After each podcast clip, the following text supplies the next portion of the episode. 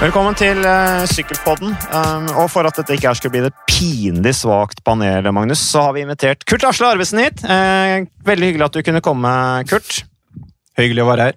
Det er jo ikke første gang heller, men det er veldig mye som skjer nå. Nyhetsbildet bare ruller som en snøball som bare blir større og større. Uh, og det jeg trodde var liksom bare drama og fake news og hysteri. Ja, For du har tulla litt med det i sosiale medier? Ja, du har sånn litt med, med, koronaviruset. Ja, og jeg blir kritisert for det også. Med, med uh, uansvarlighet. Men uh, jeg tenkte liksom De der epidemiene, det går over. Virus er virus. Influensa er influensa. Men uh, nå ser det altså ut som at sykkelløp blir uh, avlyst pga. Av, uh, korona. Og det er ganske dramatisk. Og du var veldig oppdatert når du kom hit. du er jo nå vet jo de fleste som hører på Sykkelpodden at Gulasjta Arvesen er direktør i UnoX, eh, og at du har vunnet etappe i Tour de France og Giro Italia. Du har tolvteplass i Paris-Nice, som starter på, på søndag. Eh, men eh, du var veldig oppdatert. Hva var det siste nytt om koronavirus, Kurt? Ja, Det siste med nytt vi vet nå, er vel det gammelt nytt om et par timer. Så vi får se hvordan det her går. Nå, det siste nå er det at det blir ikke mye sykkelløp i uh, Italia. Uh, Tireno, uh, Strade Bianche, San Remo, mange andre ritt. Og um, så får vi se med Paris-Nice. Foreløpig så, så, så, skal starten gå der på søndag, men det er jo lag som har trukket seg. Både Astana, Ineos og det siste var Det første var liksom Scott. Ja. Så um, Frans Cedersjø? Redd for dette her er bare starten. altså gutta, så Når her podden din Mats, går på, på lufta, så er det skjedd saker og ting. Ja, Men podkast er heldigvis sånn du kan ta fram om noen uker og lytte litt på allikevel. Uh, får vi håpe at, den, at, vi gjør det sånn. Men bare for å ta Milano San Remo, så ble det avholdt siden 1907. Jeg ser det på en liste her. Det ble ikke avholdt i 1916. Jeg regner det er pga. første verdenskrig. Og så ble det altså ikke arrangert da i 1944 og 1945 av sikkert logiske grunner pga. andre verdenskrig. Og nå skjer det altså da, i 2020, at det ikke blir arrangert pga. virus. Men det, det, som slår meg, jeg vet ikke om dere tenker det samme, er jo at her er mange lag som sier vi vil ikke delta. Og det er jo en fair greie. De er redd for å spre virus og alt sånt.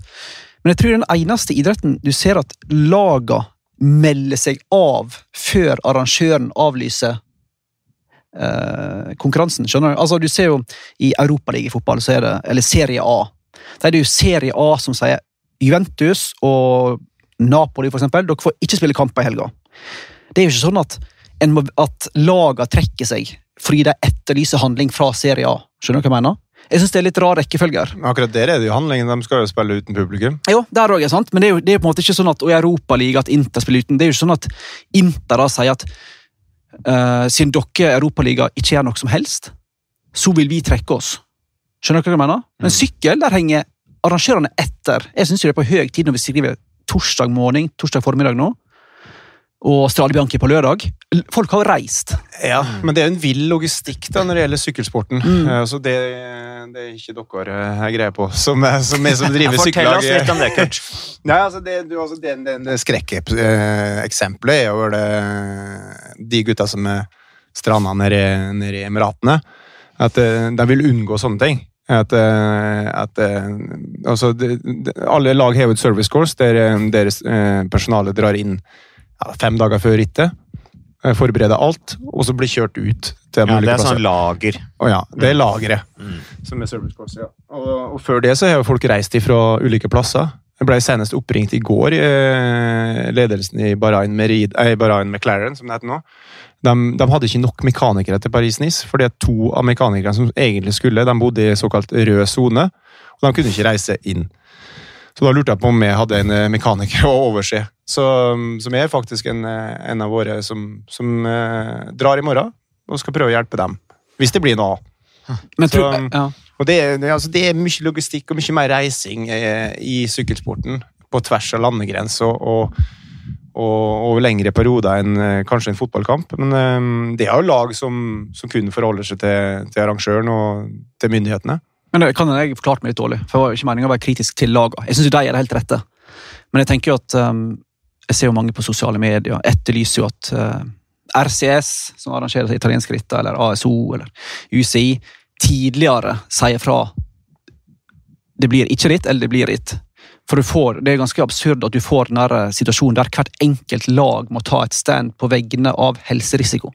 Du skulle jo tro at du hadde et internasjonalt forbund som for et par dager siden sa la oss være fornuftige og holde oss i ro de neste to-tre ukene. Det er iallfall min tanke. Jeg hadde jo møte i går, Ja. Og, det de kom fram til at eh, Ingenting. Alt er bra. alt er bra. Nei, altså, Nei, altså, De overlater ansvaret til de lokale Ja. myndighetene. Nettopp. Det, det, er jo, det er jo sånn du må forholde Det forstår jeg. Ja, du kan ikke være sånn som du, Mats, som bare går ut på Twitter og sleivsparker og, og disser. er Men du, får, du, du risikerer jo da så Han har en egen mening. Så ikke Klopp, da. Han hadde jo uh, spot on. Ja. Hva var det han sa igjen? Fikk ikke det Nei, altså, Han sa jo det at altså, han er jo bare en fotballtrener med et uryddig skjegg og en caps. Ikke spør meg om det. Det var samme som når vi dro til, dro til OL i, i Beijing. Så, så, så, så ble jeg nedringt. Eller nedringt, ble det ikke. Ble ringt opp av eh, ulike medier og lurte på om, om eh, hvilken politisk eh, standpunkt jeg hadde i, forhold til Tibet. Om de skulle være fri eller ikke. Altså, det kan være en ikke- da? Skal vi gå inn på den her nå? Jens Stoltenberg, som var statsminister den gangen, han kunne ikke gi et klart svar på det. Fader, det er så enkel, enkel sjel fra. Eresfjorden. Han kunne jo ikke bry seg om det. Av nysgjerrighet, hva svarte du? Så det ingen Jeg sa akkurat det. Jeg sa, jeg sa akkurat det, Du for da, da, da hadde jeg fulgt med på litt grann greiene her. Og Jens Stoltenberg, som var statsminister, han kunne ikke gi noe klart svar. Og når ikke han kan gjøre det Jeg skal jo bort dit og sykle. Ja, altså, det, jeg kan ikke svare på det spørsmålet der. Mm. Nei, jeg husker den der, der uh, Tibet-saken rundt eh, OL i Beijing. Så hadde du Beijing. Ked Elevens, da, som, som, som som sykla med en trøye under trøya si og dro opp Free Tibet, eller hva var det var. Ja, respekt for det, altså. Han var, Kudos. han var en karakter, da. virker Ja. det som. Men, men det blir jo, poenget mitt er bare at det blir så absurd når du da risikerer, sånn som ståa er akkurat nå, at du får sykkelløp som går, uten mange av de beste lagene. Og som du nevner, sikkert mange lag som har halvveis eh, stab på plass, du mangler mekanikere og sånt. Og at, at det beste laget i verden sier vi vil ikke delta, selv om dere arrangerer det, syns jeg er rart. Det er motsatt av det du ser i andre idretter. i hvert fall. Der begynner det ofte med at arrangøren sier hei. Skjønner du hva jeg mener? Ja, men og Hvorfor er de redd for å delta? Det er, jo, det er jo ikke for å bli syke. Det er jo fordi at de er redde for å eventuelt én spre smitte, er i hvert fall det de sier, da, for å vise ansvar. Men det er jo dette her å sitte igjen, sånn som du nevnte, Kurt, nede i UAE-tour der, hvor blant annet Sven Erik Bystrøm sitter innelåst på hotellrommet sitt. Eh, og nå har de i hvert fall fått opp noen ruller, da, så de kan holde seg litt i form. Men det er ganske, det er ganske alvorlig for de rytterne og deres karrierer at de blir sittende i situasjonen situasjon der, for det er jo ikke veldig formbringende, akkurat. Nei, men eh, altså, det er tross alt kun idrett. Sykling vi holder på med. Altså, hvis vi kan unngå smitte, og smitte noen som er, har et dårlig immunforsvar akkurat nå, at de dør, så er det å ta litt videre. Altså, det er tross alt bare idrett vi holder på med. Ja da, det er sant. Det er sant. Men eh, det er jo tross alt sykling. ja, det Men, men Kurt, hvor Det er verdens viktigste idrett. Men sånn, nå når en lader opp til våre klassikere, og sånt, og Flandern og Robert kommer, og så blir det da sånn som Gaviria og ja, Bystrøm da, blir sittende sannsynligvis rundt to uker på et hotell. Nå får du trent litt på rulle, men hvor masse mister du sånn Hvor masse mister du av form på de to ukene? Hvor masse reduserer du deg? Sånn, Det går ganske kjapt før du er tilbake. Så lenge okay. du holder frisk og rask og får sykla litt på rulle, så går det ganske bra. Altså, hvis du, det verste for mange er nok det nå, eh, at de går glipp av uh, Triania Adriatico og Paris-Nice. Så nå, nå, tenker vi inn, nå er vi inne i sykkelbobla. sant? ja da. Det, det viktige med sykkelbobla. Ja, det, er er jo ikke, er viktig, er jo, det er jo ikke viktig, egentlig. Jo, her på Sykkelpodden er Ja, det viktig. ok, greit. Ja, Jeg skjønner Så- veldig godt. Men, men, men for mange, mange av de som mista de to etappeløpene der Jeg husker å gå tilbake på min, min karriere, og og Kristoffer prata litt med han på flyplassen etter Algarve. Han også er en sånn type at han, han trenger litt, litt mer tid. Altså, han sliter alltid i et newsblad. Og så kom han jo i Kyrne allerede. Eh, fikk vel en tredjeplass der. Og så, og så, så trenger han Paris-Nice som han skal sykle, og så er han i form. Og hvis han går glipp av det, så kan det være kritisk. Men eh, jeg tipper Stein Ørne har en plan B hvis det går skeis. så. Ja, de må jo lage en plan B nå. Mm. Enkelt og greit. Har korona påvirka Uno X på noen måte? Så langt? Ja, altså, det er jo et eh, tema absolutt som vi tar seriøst, og, seriøst, og mm, mer lytta til de rådene vi får fra dem som har har greie på det. Og så får vi se om det blir noen konsekvenser utover eh, det, det, det vi har fått inntil nå. Nå er vi jo sykla det vi skal, og nå har vi har vi, har vi jo en gjeng på Rådås. De eh, forhåpentligvis eh, skal starte i, i, i morgen på fredag og sykle et lite tappeløp der og komme seg hjem på mandag. Og så, så neste da er jo et, et etappeløp i Nederland, Olympiatur i, i mars, og, og, to klassikere. Nokre Kors og Bredne Kokseide. Så vi håper på at det går som planlagt. Kan jeg bare skyte ned et spørsmål der? Ja, bare du nevnte Rodos så vidt. Ja. Erlend Blikra, ja. som vant der. Ja. Han har jo vært snakka masse om i, i sykkelmiljøet i Norge i sånn fire-fem år. Som en sånn supertalent som har slitt med sykdom og sånt.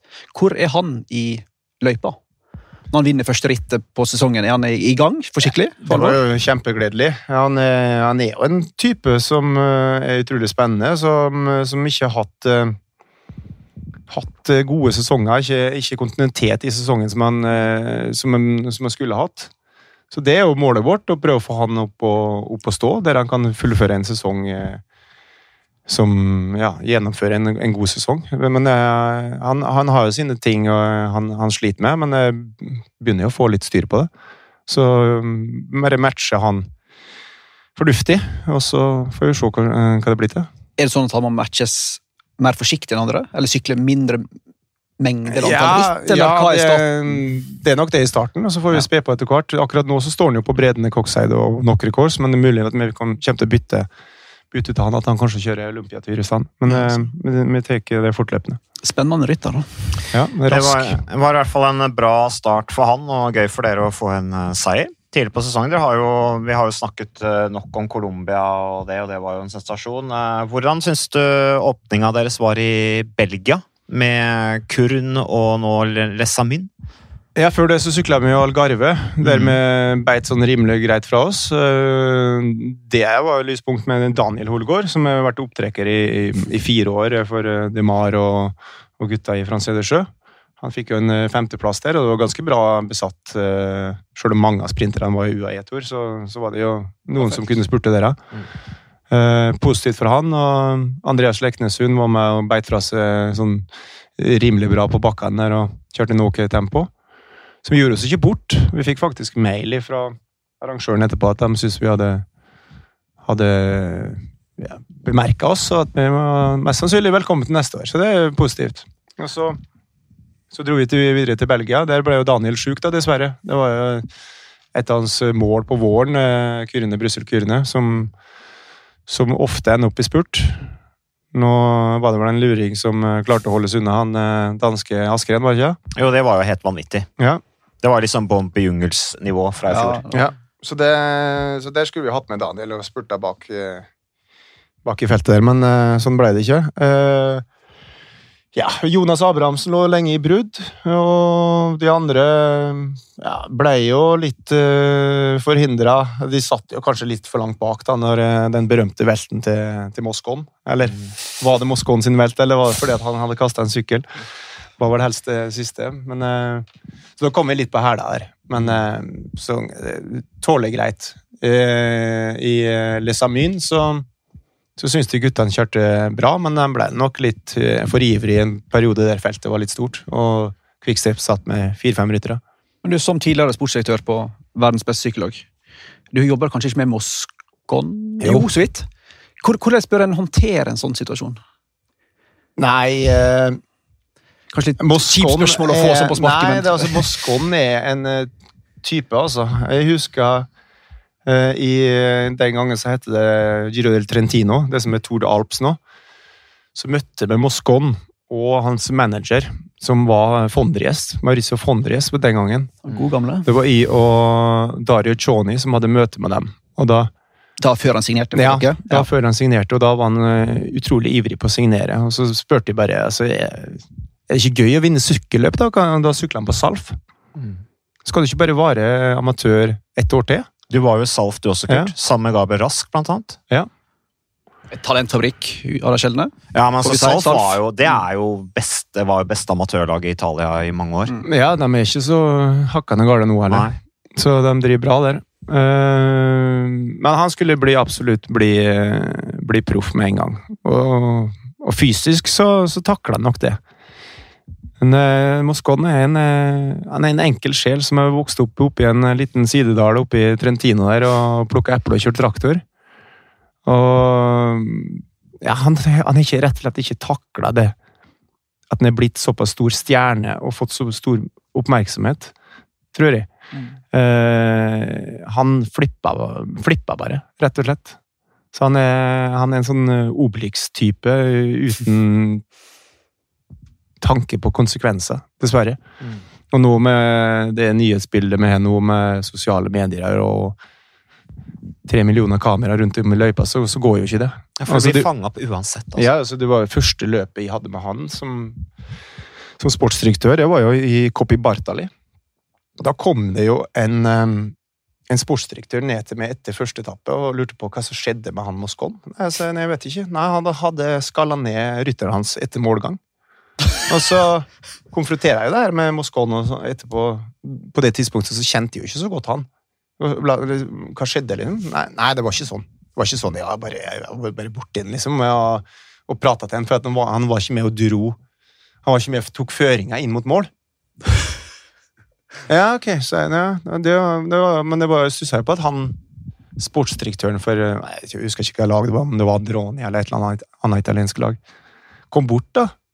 Nei, det var absolutt ingenting. Så, så tenkte jeg nå må jeg sjekke litt mer opp i. Og så hadde vi Daniela Carta, en, en, italiensk massør, som vi hadde. Så jeg lurte på om hun hadde observert eller sett den episoden. da. Så Moscon sier at det er sånn og sånn. Altså, nei, det var ikke sånn. Han var, han var brutal. Så allerede da så det, det fins flere sånne eksempler på der Moscon er eh, flippa. Hvilket ritt var dette her, sa du? Coppi Bartali. Coppa Bartali i 2016? Ja, det var jo et, det første, første året han var proff. Ja. Ja. Mm. Men er han òg litt sånn temperamentfull når han ikke sykler? Eller nei, er det når han går i konkurransemodus at det klikker litt? Det, når, altså, han er snill som et lam ellers. Ja, for det er det folk sier. det, er egentlig... det, er sikkert derfor Ineos-ledelsen har prøvd å jobbe med ham. Mm. Han er jo et talent på sykkelen når han holder seg i skinnet. Husker jeg det første året han sykla talent. det året. Da var han uheldig og velta ut, tror han ikke? Men, jeg, men jeg, akkurat nå akkurat nå så har jeg følelsen at nå er bunnen nådd. Altså Når kontrakten går ut med Ineos nå, Mm. Så jeg tror, de, jeg tror, ikke de, kommer til å fortsette, med det. men det er bare Nei, min følelse. Nei, for han er jo en kontraktsituasjon, og han til Uno X, da. Han kan gi et par seire, ja.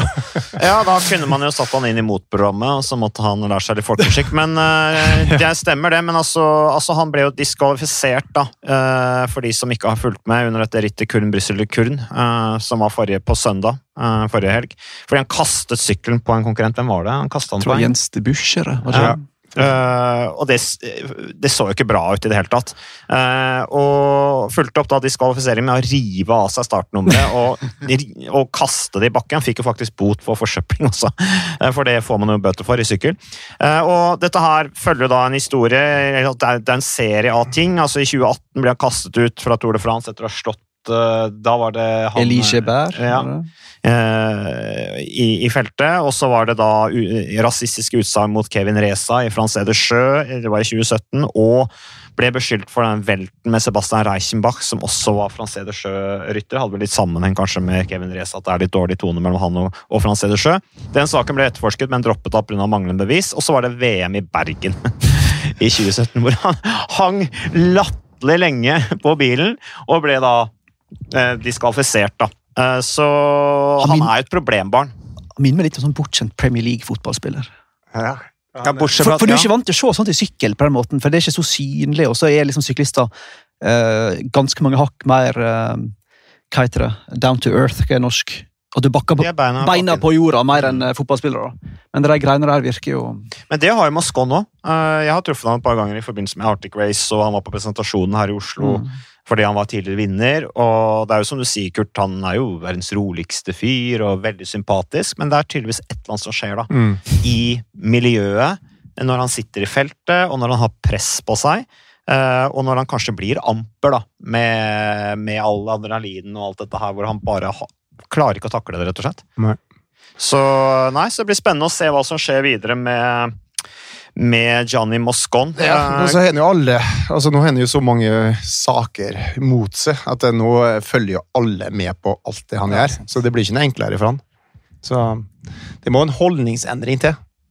Det var jo vår felles uh, venn og tidligere kollega Gabriel Rask som uh, måtte svare for seg. Det var jo han som var sportsdirektør i Kuln Bussukurn. Og Eh, klassikeren har blitt på en måte viktig for Injos å prøve å løfte resultatene, for det har de ikke helt fått til det siste. Gabriel eh, var på oppgaven nå forrige helg, og måtte da svare for Gianni Mescon. Jeg hørte på en av disse engelske sykkelpodkastene, eh, hvor han da ble beskrevet som Gabriel svarte veldig bra for seg, syns jeg, men han sto jo på sitt sedvanlige Gabriel Raskvis og så ned i bakken.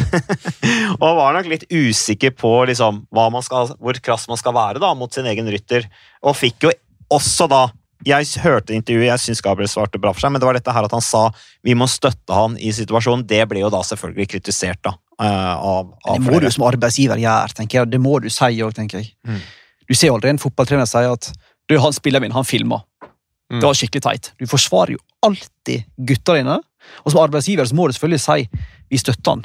Du kaster jo ikke en ung mann til si, ulvene i et så betent klima som du har der. altså. Du må jo støtte han, selvfølgelig må du det. Ja, Men støtten det kan være mange ting. Ja, det, altså, det er jo veiledende og, og mm. få på rett kjøl. Det er helt fint å si. Mm. Men det har de jo prøvd. Han har jo vært på sånn kurs. Alle kan ikke være sånn som Conny-sjef som står og disser Var det Kittel? Han, det var eh, spesielt, altså. Ja, det var, det var det, det, det, et av de villeste intervjuene jeg har sett. Det var Tour de France for 2018, var det? Ja. Der han står utenfor bussen og bare totalt slakta sin egen rytter. For at de ikke har levert. Det er jo ikke sånn du bygger jeg husker jeg gikk bort fra intervjuet Connichev og så tenkte jeg jeg får spørre om det her, det er jo ganske interessant. Jeg tenkte han bare kom til å si ingen kommentar eller eh, Likip overdriver eller feilsitert. Ja, og så spurte jeg han. Connichev er jo, sånn som jeg oppfatter han, så har kjent han de siste fem-seks åra i Katusha. Han er jo veldig trivelig fyr. Var fantastisk syklist i sin dag, men han er jo veldig ærlig òg, da. Eh, og han bare overraskende bare fortalte han at han var litt arrogant og hørte ikke på meg og bla, bla, bla. Så det var type. Ja. Men, uh, men, dere som har vært Dere har vel sikkert ja, nesten 20 år til sammen i proffverden.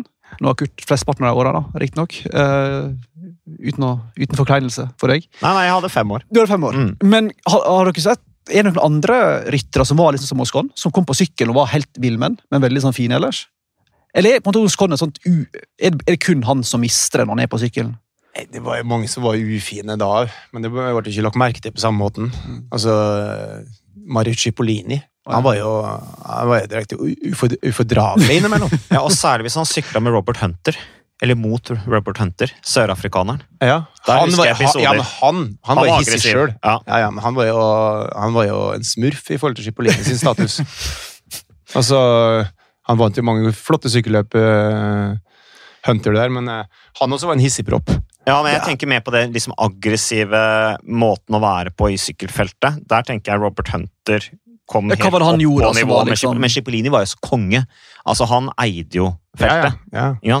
Men hva Hunter gjorde? Er det, er det, snakk om da fysiske ting? Er det å skjelle ut folk? Eller hva, det, hva snakker vi om, egentlig? Ja, altså, han, kunne vel like, uh, like mye bli sint på seg sjøl hvis han gjorde feil.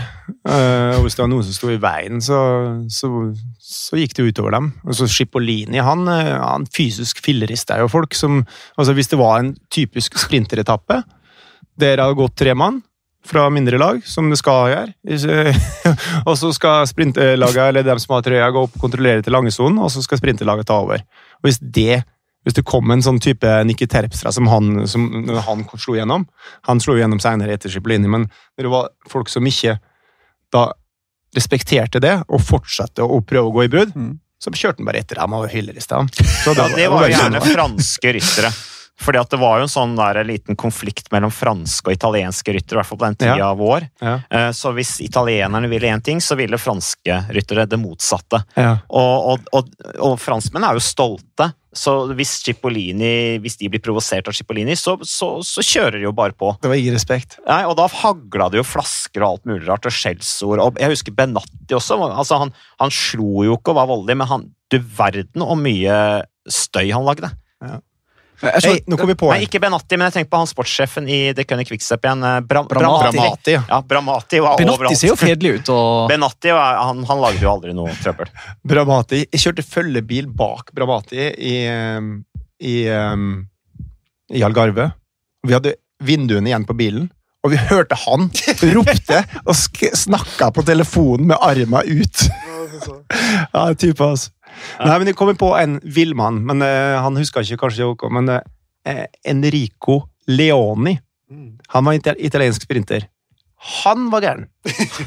Han var splitter han, han, hadde ingen han, han, kjørte ned folk, han, i spurten. Så han, altså, det endte jo opp ja, Men det høres ut som halvparten er italienere, da. Ja, italienske sprintere sånn generelt, de er det, det er typer, da. Men det var, sånn. jeg vet ikke det var tilfeldig at du nevnte Terpstra. Han, han er jo kanskje som under, han har jo et rykte på seg for å være en ganske vanskelig fyr å ha med å. Har jo hørt historier om han fra øh, jeg skal ikke si hvem, men pålitelige kilder. At han var på en treningstur, litt ung alder, og så var det på et brosteinsparti.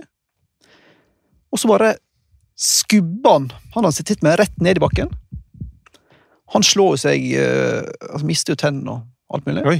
Og Terpstra bare tok den der klassiske greia. Nei, men det var bare på spøk. Nei, ok. Greit. Terpstra har jo et rykte på seg for å være en litt sånn um, Terpstra er jo blitt uh, en klasserytter med fantastiske meritter, men jeg husker jo når han uh, slo igjennom eh, jeg, jeg vet ikke om det er de årene han sykla på Milram. ja, ja.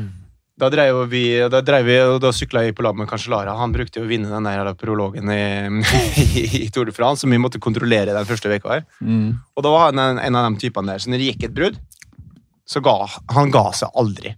Han var så irriterende. Altså, altså alle visste det at ok, i dag blir det masse spurt. Det er helt flatt inntil mål, de første etappene. Det er ikke noe vits å, så gjøre det hardere enn Men det var da, da vi begynte å bli gammel da, og sur og gretne? Og han var oppe og fremadstormende. Det- Alt henger jo sammen. Men uh, det, er, uh, det er mye personligheter i uh, feltet. Apropos, vi mistet akkurat kanskje ikke, Jeg tror ikke jeg overdriver hvis jeg sier kanskje mest populære, eh, mest likte. Alle likte han. Eh, Nicolas Portal døde av, eh, av hjerteinfarkt, rett og slett. Altfor tidlig, 40 år gammel. Tobarnsfar. Start karrieren i, i eh, 2003 i Ardes R. Um, uh, han var jo også med deg, Kurt, i, i Sky. Uh, var sportsdirektør, eh, tidenes yngste sportsdirektør i et worldtour. Han ble proff i 2001, forresten, i Ardes R via Kester Pan. Avsluttet da Team Sky. Han hadde jo hjerteflimmer, eller hjerte... Det var noe med eh, problemer med hjertet som gjorde at han sluttet å sykle også. Eh, vant en etappe i Criterium Dauphiné. Eh, jeg syklet med broren hans, Sebastian Portal, i Crédit Agricole. Eh, Nicolas Portal var så populær i Frankrike, og så ettertrakta, at ryktene gikk i Crédit Agricole om at de hadde gitt ham tilbud etter tilbud, etter tilbud, og så signerte de av lillebroren hans, fordi at de trodde at det kanskje ville få han over til Crédit Agricole. Så langt mente de at, at de ville gå, da. Det lyktes jo ikke, han kom jo aldri til Crédit Agricole, men du verden for en populær type. Alltid imøtekommende, alltid inkluderende, så alle. Um, også som når jeg liksom kom, begynte, å, journalist, begynte å jobbe i TV 2 og var der nede på motorsykkelen Den som alltid snakket, det var Portal. Uh, smilende, imøtekommende. Uh, hvordan uh, har det vært, Kurt? Det er kanskje et dumt spørsmål, men Nei, det var, det var sjokk. Ehm, han var jo eh, Han var jo i Algarve. Vi møtte der. Jeg møtte han jo der for, eh, for første gang på, på et par år, egentlig. Jeg har jo hatt eh, kontakt med han på telefon og meldinger og sånne ting, men i og med at de slutta jo i Sky, og han fortsatte der, og vi har jo vært på ulike nivå, så vi har aldri møttes på løp før nå. Så det Nei, det var, det var et brutalt sjokk. I tillegg til alle de komplimentene du ga han der, så var han utrolig hardtarbeidende. Altså, han tok ingenting for gitt. Han, eh, altså, det var flere enn I som stussa over det når Dave Braceford ga han den rollen som sportsdirektør. Etter ett år. Vi, vi sykla sammen i 2010, og så, så kunne han ikke fortsette pga. hjertet. Det, det, var noe, det var noe et eller annet her. Om det er noen sammenheng med dødsfallet, det, det, gå- eller, det skal vi ikke gå inn på. men alle stussa jo på det, for han, han, han, han kunne jo ikke engelsk. Så hvordan skal han eh, bli sportsdirektør i, i et britisk lag, som franskmann? Men eh, Dave, han prata jo fransk, så han kjente den jo bedre enn oss andre. Så han hadde jo sett et eller annet. Og det gikk jo ikke lenge før han, han eh, kunne kommunisere godt nok på engelsk, og, og satte virkelig standarden. Han, han var jo han ble tatt opp og jobba jo tett med Sean Yates. Gamle, gamle Sean Yates. som, da eh, fikk han lært engelsk av Sean Yates. ja, ja, sant. Så, ja, nettopp. Og med hans erfaring eh, opp gjennom åra. Og så tok han det videre med, eh, i, i, i det teoretiske, med det med planlegginga, med, med, med analysering av bakker og ritt og vind og alt. Og han, altså han satt bak i bussen, altså han var godt forberedt forkant av en Grand Tour, som Tour de France, men etter etappen så gikk han runden på, eh, på rommet og prata med gutta. Gikk tilbake i bussen og satt og jobba med eh, etappa dagen etterpå. Han var aldri til middag sammen med Anna Staff. Han spiste et eller annet i bak i bussen. Han var jo grå som et, uh, ja, som et grått laken eh, når vi gikk mot, mot slutten da, av, av, en, av, en, Grand Tour. Han, han, la så mye press på seg sjøl. Han, han forberedte seg så, så, utrolig godt. Så, så, men samtidig alltid Jeg satt bak i bussen her, hørte på musikk og satt og forberedte seg stille og rolig. Det var, det var Nicolas Portal. utrolig tap for uh, Ineos, men ikke minst selvfølgelig for familien hjemme med, med to små barn. Mm.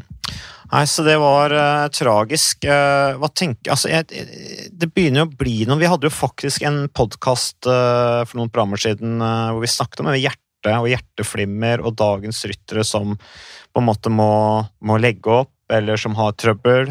vi var inne på Sindre Lunke, som har vært innom en liten runde nå. Eh, hva tenker du om, eh, Kurt, du som har vært tidligere ismann, eh, for så jeg også, dette her med, med oppfølging etter karriere? Altså, når, når man er prosyklist eller utdannelsesutøver på et sånt nivå, så vokser jo hjertet veldig. og, og hva tenker du liksom, hva, i forhold til forhåndsregler rundt det der? og Man kan jo ikke bare avslutte. Det er jo viktig at man holder seg i form, tenker jeg. Uh, og det, gjorde, det spurte jeg dem på portal om han holdt seg for. Se, han så jo slank ut, han så jo sunn ut. Han jobba hardt på sykkelløp, og sånt, men som du sa til meg, han bodde i Andorra for å få friluftsliv og fysisk aktivitet. og de tinga der. Uh, tenk, er, er, du noen gang engstelig for det der med belastningen du har utsatt hjertet ditt for? Nei, det, det, det, går ikke rundt og engstelig for det. Nei, Nicolas Portal han flytta til Andorra for to år siden fordi han, han elska å være ute i naturen. Stå på ski, gå uh, turer og, og, kjøre downhill og mountainbike. Og, uh, så han, uh, han, han, han, Bortsett fra det, det jobbpresset, det presset det var å lede lede Ineos-laget i, i Tour de France og andre Grand Tours, så, så, så levde han sunt. Det er klart, det presset var jo, det var jo stort, da. Eh, han var jo involvert i samtlige. Han var jo ikke eh, ledende sportsdirektør da Bradley Wiggins vant, da var det jo Sean Yates, men utover det så er han leder laget. Som en ung franskmann, som den yngste noen, noensinne som har vunnet Tour de France. Mm.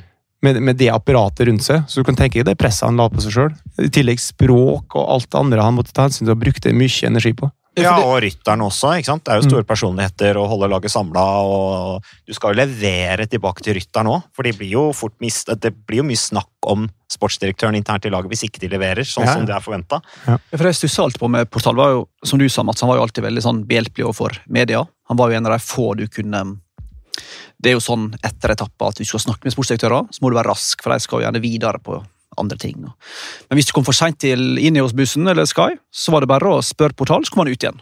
Om det var fransk, om det var spansk, om det var engelsk han tilpassa, var det alltid den derre Ok, one more question. Han var alltid veldig sånn uvanlig mottagelig. da. Men det som slo meg, var litt det du sa, at han var jo det, var, det har vi hørt mange historier om, Han jobba vanvittig masse, var ekstremt nøye og detaljert og satt oppe seint. Og så har han tydeligvis Han har jo trent masse, som du sier, for han så alltid veldig godt trent og frisk ut. Og han var alltid blid. Og jeg stusser ofte på, flere ganger på hvor mange timer i døgnet Portal Om han hadde flere timer i døgnet enn andre folk. Mm. For Hvis han jobber så masse og har det presset der, at han likevel så så frisk ut og, og orker å være hyggelig og alltid jeg mener, alltid snakker han pressa. Det er ganske imponerende. Altså. Så jeg slet alltid med å skjønne hvordan han fikk dagene sine til å gå opp. Nei, men Han sov ikke så voldsomt mye i løpet av en sånn Grand Tour der. Han satt nok i bussen eh, frem mot midnatt, helt sikkert. Og så ganske ofte så var de oppe i, oppe i 60 For da, da hadde han press fra, fra Dave uh, Braceford og, og Team Carrison. Godeste Dexter, han sjefstreneren der, var jo ute og sykle. Så, så, da var de ute og sykla på morgenen. Det har vel endra seg litt, Kurt. Akkurat det der med liksom, Man snakker om prestasjonskultur rundt dette med, med rytterne. Eh, og utvikle rytternes eh, prestasjoner eh, og kapasitet. Men jeg syns på en måte at det har endra seg litt, hvor også kanskje Team Sky og Injos har gått litt foran når det gjelder det der, og også at staben holder seg i form og ser på en måte friskere og bedre trent ut, og at de er mer helhetlige i forhold til at de skal takle det presset de blir utsatt for. da Er det, er det litt sånn endra seg litt i sykkelsporten i forhold til gamle dager, hvor sportsdirektørene bare satt og de, de, drakk mye øl og spiste mye dårlig mat og bevega seg veldig lite? Jeg tror, nok du, jeg tror nok du har litt begge deler nå, men det er jo ikke det er jo ikke ikke noe hemmelighet, det. At uh, det gjelder å holde seg litt i, litt i bevegelse uh, hvis du skal prestere. Som, som, uh, som leder òg. Altså, vi sitter jo i den bilen der fire-fem-seks timer om dagen. Og, og så sitte bak i bussen der. Det er jo ikke noe, jo ikke noe helse, helsebringende, det. Så at du, du gir deg sjøl et friminutt der du drar ut og beveger deg litt, det er nok det, er nok, det beste for alle parter. Når du var i, i Sky, hvor mange reisedøgn hadde du cirka per sånn kalenderår med jobb? Nei, de fleste staff i, i, i, i, i World Tour-lag som er fast, de har nok mellom 175-200, mm, vel så det av noen. Så det, det er et liv ute på veien, ja. Var det gøy, eller var det sånn at du tenkte at dette er egentlig for masse? Ja, det, det er jo stort sett artig, ja. men uh, klart uh, Det er de Grand Tours der, når du er fire uker vekk fra familie, som, som, som gneg. Mm. Det, det, det, er brutalt, når du, i hvert fall når du, når du skal ha noen unger hjemme. Folk har lært å gå og snakke når du kommer tilbake. Hvor masse følte du på presset? Du har tross alt Team Sky. Jeg husker når du vant for eksempel Liège med Wout Polstad i 2016. Ja. Altså, Hvor masse press følte du på før? Det, ja, det var artig du nevnte, for det var det en av de største prestasjonene som er gjort som sportsdirektør. Da var faktisk Nicolas Portal med i bilen. Han kjørte bilen. Så Det er jo forberedelse, da. Mm. Du må bare forberede. Begynne tidlig å forberede på, på løypa. Du må ha bare stålkontroll. Eh, lage gode race notes og gi dem rette tilbakemeldingene på, på radioen. Og så må du selvfølgelig tilpasse i forhold til vær og føre. Det, det Stone, eh, du nevner der, så var det jo snø. Og det ble jo kutta ned på løypa underveis. Ja, så du måtte jo begynne å regne om kilometer for å for å gi de rette meldingene på radioen, og da er det greit å ha en sjåfør uh, i bilen. Uh, og så må du selvfølgelig legge om taktikken eh, der og da. så det, jo, det var jo greit akkurat det. Da hadde vi jo en, en, en gjeng som var i god form. og Wout Pauls takla kulden bra, så det, det ble full klaff. Men Er det sånn at du er nervøs dagene før? Sover du godt nettene før? Eller er det liksom det der Ja, Hvis du er godt forberedt, så sover du godt. Ja. Hvis det er et eller annet så, du mangler, så, så ligger du nok og tenker på det. Men da må du bare få det gjort. da. Ja, du kom til ritt og følte nå er jeg egentlig ikke så godt forberedt som jeg burde vært. Nei, Eller det, Hadde dere alltid sånn i Sky så god kontroll på at alt var på stell hele tiden? Ja, Da hadde vi såpass god tid mellom løpa, for da hadde vi alt annet tilrettelagt. at Da var det kun det sportslige som var fokus. I UnoX er det kanskje litt mer Ja, men det begynner ting. å få på plass en bra struktur der nå. Eh, så vi har fått inn noen gode folk rundt oss som gjør at eh, vi kan ha litt mer tid og være litt bedre forberedt. Mm. Det er viktig å være forberedt. Uh, apropos, uh, du, vi snakket om belgiske klassikeråpning med omlopp og kurn. Uh, jeg ser Edvard Baasen Hagen han har ikke helt fått det til i Belgia. Han eh, ble nummer 59 i omlopp, eh, ble nummer 114 i Kurn og brøyt dette Le Samin. Eh, Kurn og Le Samin, hvor dere også deltok fra UnoX Development Team. Du har, jo, du har jo hatt mye med Edvald å, å, gjøre. Har du noen nyheter på hva som er Jeg har skjønt at han har vært litt syk. Har du hørt noe mer? Nei, jeg har ikke hørt noe mer rundt, rundt Edvald, men han er jo sånn type som som kanskje bør ha, ha, litt mer tid på seg. Han har vel gjort det ok. Han har ikke gjort det i Het Newsblad tidligere, men, eh, men eh, det er ikke noe sånn sånn, Jeg hadde stilt klokka etter det, liksom. Prestasjoner i, i den åpningshelga der. Så mm, jeg tippa at Eller håpa virkelig at Edvald kan komme fram utover, utover våren. Men eh, det har det mangla litt de siste åra. Men hva tenker du nå som han eh, NTT er jo i, i, i fremgang. Uh, mm. De har jo begynt å gjøre det bra. Nisolo som ble med to i kurn, de har begynt å vinne sykkelløp. Det er helt sikkert Stevninga er sannsynligvis snudd der. Bjarne Riis har kommet inn. Uh, Bjarne Riis-effekten. Bjarne Riis-effekten, ja, Man snakker om det. Men hvordan tror du Bjarne Riis jobber med Edvald nå? Du kjenner jo Bjarne Riis. Ja, nei, altså, Da vant de ikke i Afrika, da. det var et eller annet løp de vant i Afrika nå. Ja, det, det, er jo din, eh, det er din, eh, ditt, eh, ditt, område, Magnus. Er Afrika mitt område? eller bare sånn der Nei, kuriosa ditt? Ja, nei, jeg vet ikke. Altså den, Det er jo danskene som prater om den effekten der. Jeg vet ikke hvor stor innvirkningskraft han har på, på, på guttene der, men at han kan, ha, kan, kan, være litt autoritær og, og, sette litt ting på plass i forhold til det som har vært før. Det, de er nok på gang, absolutt, å få på plass en struktur der som, som er litt bedre enn det som har vært før. Mm. Men eh, det er jo sportsdirektørene, Lars Michaelsen, Gino og de guttene der, som, som, må ta det siste. Og så kan jo mm, Bjarne spankulere i bakgrunnen der og sette litt mer press på å få dem litt opp i, opp i selen. Men eh, Edvald er jo en av nøkkelrytterne på laget, eh, så jeg vil jo tro at Bjarne er kanskje litt ekstra opptatt av, av han. Jeg tror at Hvis du hever hele laget litt, og hever sånn som du nevnte, Nitzol og Valgren og de guttene, så er det litt for at det blir litt snøballeffekt. At, eh, at de andre guttene kommer etter. Og Edvald er en, en av dem. Mm. Men det er ikke litt sånn, det kan jeg misforstå, men det er ikke sånn at han som da Bjarne Riis har vel tittelen general manager, eller et eller annet sånt. Har ikke han et litt mer Eller sportssjef. Har ikke han et, han et litt mer eh, Hva skal jeg si Et overordna ansvar mer enn at han går inn i treninga til hver enkelt rytter? Ja, Eller, det, jeg tror ikke Han vil, han kan komme med tips, ja. men jeg tror han vil, han er, hans rolle er vel å guide og, ja, og, og peppe sportsdirektørene. Og det kan jo være bra til. Mm. Han, han Også taktiske, taktiske egenskaper har han jo. Så at han kan være med og, og, og påvirke hele, hele, apparatet på, det, det tror jeg nok kanskje. Mm. Eh, Kurt, vi snakka om eh, landeveisrittene som dere har kjørt, og UnoX har hatt en morsom start på, på året. Men én eh, ting er jo landevei, men bane, der har dere også hatt enorm suksess. UnoX. Da med Fredrik Rodenberg og Julius Johansen som altså nå Forrige helg eh, i Berlin så var det da VM i banesykling. Det gikk jo fra onsdag til søndag. Vi hadde jo det hver dag på TV 2. Eh, og der satte altså det danske forfølgelserittet for lag De satte altså tre verdensrekorder i løpet av et døgn. Den nye verdensrekorden er nå på 3.44,67. Eh, moro for dere, Kurt? Ja, utrolig artig med å få om bord de guttene der.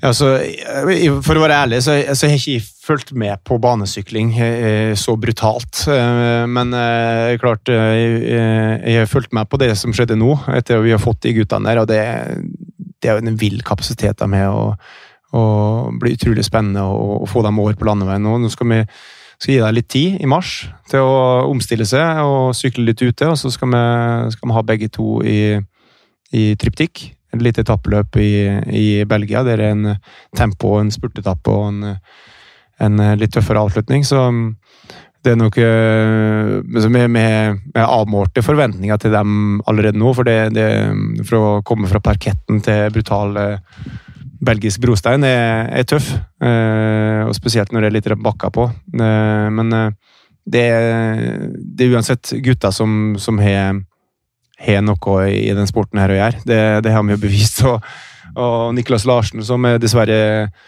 skadd, eh, som er i opptrening nå, han, eh, han er jo utrolig spennende. Han vant i Danmark rundt i fjor, blant annet. Men eh, ikke, du sier jo at du har liksom ikke fulgt så med på banesykling, og jeg har hatt litt sånn blasert forhold til det selv også, før jeg begynte å kommentere på TV 2. Vi har jo ikke hatt noen kultur for det egentlig hjemme i Norge. Så har det vært en helt sånn annen idrett, på en måte. Men ser du men de, altså, de tidene de kjører på nå, jeg bare så på Gianni Filippo Ganna. Altså Nå kjører han 4000 meter forfølgelsesritt individuelt på 4.019. Det er også mm. ny verdensrekord. Og det er faktisk 400 eller raskere enn da Storbritannia, med Bradley Wiggins i spissen, tok bronse på 4000 meter forfølgelse for lag i Sydney 2000. Altså Det gjør han mm. aleine. Uh, Hvis du ser på alle, både individual pursuit og lag Pursuit of. Ja, Chloé Digert også. Ja. Jo, men også, altså, Alle rekordene siste to-tre åra går rett ned. Om ja. det er Ashton Lambie, eller om det er Ganna eller Digert eller ja, danskene. Altså Men er det fordi at det har et dårlig nivå på banesykling fram til nå, eller er det bare den teknologiske utviklingen som bare Altså En kombinasjon av kanskje banesykling har vært litt sånn amatørmessig drevet, eh, og at de nå virkelig setter inn innsats på utvikling av eh, utstyr og spesialtrening og i det hele tatt. Eh, er det det som har, har ført til at nå tidene blir så voldsomt mye bedre? Ja, jeg tror det er først, eh, altså jeg tror er helt sikkert en kombinasjon av alt det du, det du sa der. og spesialtrening, lag som oss som, som frigjør tid for dem til å, til å dra til Sør-Afrika og trene sammen. Gjøre de rette tinga. De er så samkjørte. Og så selvfølgelig det, det med utstyr. Det med aerodynamikk. Få krafta ned i, i den rette posisjonen. Så, um, så, Ser du overføringsverdiene? Ja. Altså er, er, du nå som du har sagt liksom, ja, oi, nå har du fått øynene litt opp for banesykling selv, for nå har du jo, mm. Eh, du har jo ryttere i stallen din som er med og setter de beste tidene i verden. Mm. Ser du at oi, de gutta der de kan faktisk være med og bidra til å utvikle landeveissyklinga? Så generelt så er nok de som kommer fra banen Vi har jo en dansk mekaniker nå på laget som, som har bakgrunn fra bane. De er jo mer, de er så detaljfokusert at det, det, det, er helt vilt eh, for oss som, som sykler i gamle dager. Så det, det, er mye å hente på på utstyret og aerodynamikk. Mm. Andreas Leknesund er jo i, akkurat mens vi prater nå, i, på banen i, i, i København for å, for å, teste og for å justere posisjonen sin. Ja, og Da får han hjelp av han tidligere banesyklisten som uh, nå måtte gi opp nettopp pga. hjertet. Hva heter han igjen? Kasper von Folsak. Ja, Folsak, ja. Mm. Så det er spennende. Hva skulle du si? Noe Nei, bare når vi snakker litt om det der med verdensrekord. Jeg tenker jo, jeg tror Chris Boardman satte 4.11 i Atlanta i 96. Verdensrekord i individuelt forfølgelsesritt. Og han var jo 30 meter. Ja, og den sto vel i 15 år, mm. til 2011. 15 år innklarte, så kommer Jack Bobbridge tror jeg var med 4.10. Og siden det så er vi nå nedra straks under fire minutter. Mm. Og vi ser det samme i lagtempo, og på Nei, lagtempo, sa jeg. Lag Lange, nav, lange navn Forfølgelsesritt for lag Eller lagforfølgelse. Ja. Ja. Uansett, alle rekordene stuper siste året. Har ikke det òg litt med at en del har skjønt at Storbritannia var ganske lure når de så at oi, i OL her er det mange medaljer å hente. Mm. At flere lag ser her er faktisk en veldig god mulighet for uh, landene å booste sin OL. OL-samling. Ja, at Danmark òg var... ser oi, her kan vi hente fem-seks ganske billige medaljer mm. i med det var amatørmessig drevet. Ja. Ja, Banesykling var amatørmessig drevet. Det var det i 2008, Beijing. Da eh, Storbritannia kom inn og svipa bordet omtrent. Eh, kom med utstyr eh, rett før som, som, ingen hadde sett før. Og Det kommer de nok til å gjøre til OL nå. De, de kjørte ikke med fullt setup, dem. Nei, for de gjorde, hadde et dårlig VM Storbritannia. Faktisk veldig dårlig VM også, i forhold til uh, hva de pleier å ha. De er, ikke, de er litt vippa av pinnen som stormakten i, i, banesykling nå. Og de har også mista HSBC, den store sponsoren sin, så det er litt sånn mm. dårlig bakteppe rundt det hele. Uh, så det blir spennende å se hvordan uh, Storbritannia eventuelt løfter seg da til Beijing. Men du har trua, Kurt? Ja, det, altså, ikke Beijing, men Tokyo, selvfølgelig. Ja, ja, nei, altså, det, De kommer ikke på det nivået de var i 2008. Det tror ikke de har ressurser og kapasitet til. Men, eh, men eh, at de har et eller annet å gjøre. Nå er det heldigvis kommet sånne regler at eh, du, altså, utstyret må være på markedet i en viss tid i forkant. og sånne ting, At det må være kommersielt for salg. Så de kan, kan ikke komme med en uh, vaskemaskindel som uh, Graham O'Bree gjorde. Uh, det er fantastisk historie. tilbake i tid. Uh, men så er det jo det med, med banene òg. Banene sjøl, parketten blir raskere. Sånn, det, det, det, er mange ting som, som, kommer inn her. Ja, og De hadde jo faktisk bytta ut parketten før VM i Berlin nå. Mm. Så den var jo raskere enn noen gang. Men tenk hvis altså Filippo Ganna er jo da på 401, mm. det? Og både han og Chloé Dyer Owen var misfornøyde med gull, for de ville, jo de ville ha verdensrekord enda bedre tider. Mm. Men jeg tror, det kan jeg ta feil, men jeg tror ikke Ganna har sykla i høglandsbane enda. Han setter alle disse rekordene sine i lavlandet, skjønner I Appeldorn mm. og i Berlin, London. Hvis han går opp i det Aguas Calientes i Mexico, ja. der han Ashton Lambie driver og setter verdensrekord Han vil jo komme ja, Med mindre han er allergisk mot høgden, så vil jo han kunne komme langt under fire og bryte den barrieren og kommer under um... Ja, den har han kontroll på, tror jeg. For de som er interessert i sånt, det er jo ganske snevert. her, merker jeg akkurat nå. Som for øvrig sykler inn i oss til ja. daglig. Ble jo tre i temporittet i VM i Yorkshire i fjor, så han er jo han er jo en jo, han klatrer ganske bra. Han, rytter, han klatrer ganske bra. Ja. Du ser jo San Juan ja, er ikke verdens største ritter. Topp tre og topp fire der flere ganger. Det er lange bakker. Men, men. Det var vel ikke det Tillegg så har du jo ventilasjonsanlegget da, inni hallen der. Hvordan er det innstilt? sant? Er det medvind, er det motvind? Mm. Hvordan er lufta.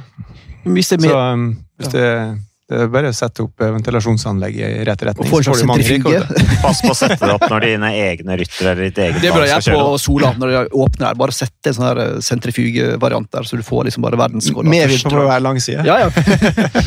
Eller gjøre som de russerne ble beskyldt for i Sotsji. Når det gjelder riktig. Eller sånt. De skrudde opp varmen på banen Ja, det på isen når konkurrentene skulle ake ned, ned banene.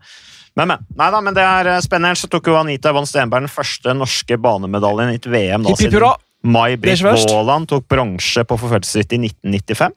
Så det er, skjer en utvikling her også, så det blir spennende å følge med nå når den banen kommer opp på Eller velodromen. eh, Velo, eh, Solavelodromen kommer opp og står med tak og alt mulig rart. Det blir kjempegøy. Eh, Kurt, eh, i går så gikk eh, Dan Erik Hansen ut på Twitter. Han er jo hele Norges sosiale medier-yndling. Dan Erik Hansen. Eh, Han eh, s- eh, kjente en interessant melding om Iver Knotten som klemmer til med mye watt i pedalen om dagen, skriver eh, Dan Erik Hansen. Lover godt for temposyklingen senere i år. Han sykler Sa Colabra, det er jo nede på Mallorca der. Der har vi syklet opp eh, begge en et par Er det ganger. verdens fineste bakke? Ja, det er en flott, den. Ja. Mm. Flott Sakalobra. bakke. Sakolobra. Han sykler opp der på 26,02. Det er 21,8 km i timen. 177 i snittpuls hadde han, og da to, 467 i watt, ifølge Strava. Um, er Sergio Henao som har den rekorden. stemmer. Da var jeg faktisk der. Du var det. 1,06 bak. Henao er da godeste Knotten. Så det Hvor mye skal man legge i sånne Strava-tider, Kurt? Nei, det er jo god indikator, det. Eh, absolutt. Eh, men eh, vi vet jo det at eh, det er mange ting som spiller inn når, eh, når vi kommer til sykkelløp. Du skal, du skal kanskje sykle to-tre sånne fjell i forkant. Du skal eh, kjempe med konkurrenter, du skal kjempe om posisjoner. Du skal ligge, ligge på rett plass, og du skal være frisk og rask når du, når du kommer inn i den avgjørende bakken. Så det, men det er alltid et godt utgangspunkt å være i god form. Hvordan var det da NAO tok Når var det? I Ja, Det var jo i Sky-tida. Eh, 2016-ish, kanskje, Jeg vil tro at det var i februar, men det står det kanskje på den der Strava-fila. Men var det, var det et forsøk på å ta Ja, altså det var en test. Ja. Ja. Mm. Vi hadde en test. Mm. Mm. Ja. Er du på Strava, Kurt? Ja. Du er det? Ja, ja. Ah, Ja. ah. Hm. Så du gidder det, altså? Hemmelig navn. Ja. Du har sånne rare navn på sosiale medier. Som, ja. Men, uh, Skal vi røpe navnet, eller? Skal vi? Nei. Nei. Nei ok. Men for eh, Knotten sin del, vi var inne på dette med Vi var inne på Ganna, og, og, som er på vei under fire minutter på individuell 4000 meter forfølgelse. Uh, Knotten som jo sier at han skal satse primært på tempo. eh, Sikter seg litt inn på banesykling. Uh, det er jo spennende. Absolutt. Både han, han og Eriksen i, i, i Coop-leiren er jo utrolig gode på tempo. Så at de dyrker de egenskapene de er gode på, det, det, det er naturlig og, og bra, det.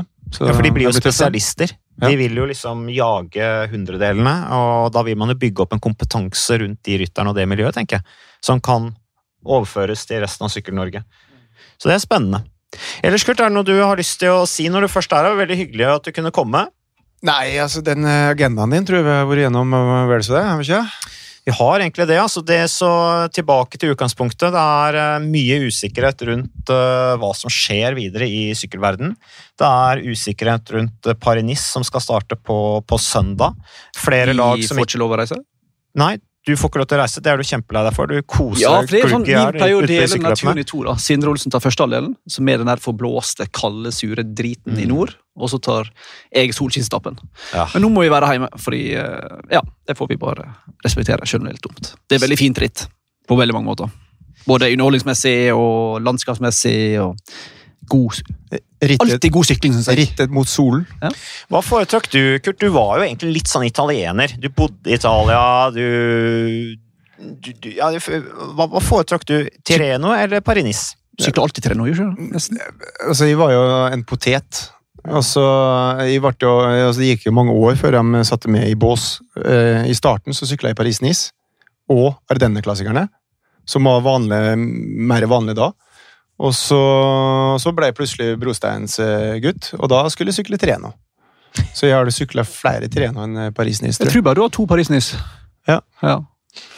Godt stemme. Ja, du har en tolvteplass. Uh, men Og det sier jo litt, for det var jo da virkelig Paris endra litt form, følte jeg, på den tida der du fikk den tolvteplassen din sammenlagt, hvor det virkelig ble hardt på slutten. Du hadde disse rundene rundt på NIS ja. der. Mm. Men var ikke det òg da året, var ikke 2002 at Finjå var inne på eiersida der? Jeg tror det var 2002 eller noe, at ASO tok over etter. Og så fikk du noe kolde, Ja, før var det alltid sånn tempo så veldig mange elska ja. opp. Og så endra det litt og Indurain og ja. som herja. Så, men det, er, eh, det blir spennende å se nå på fortsettelsen.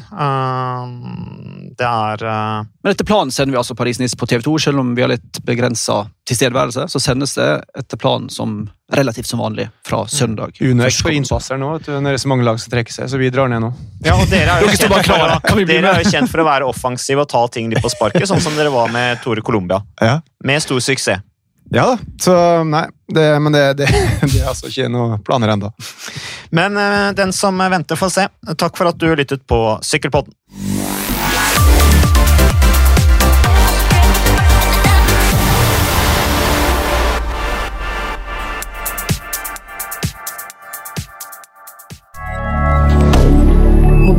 rien.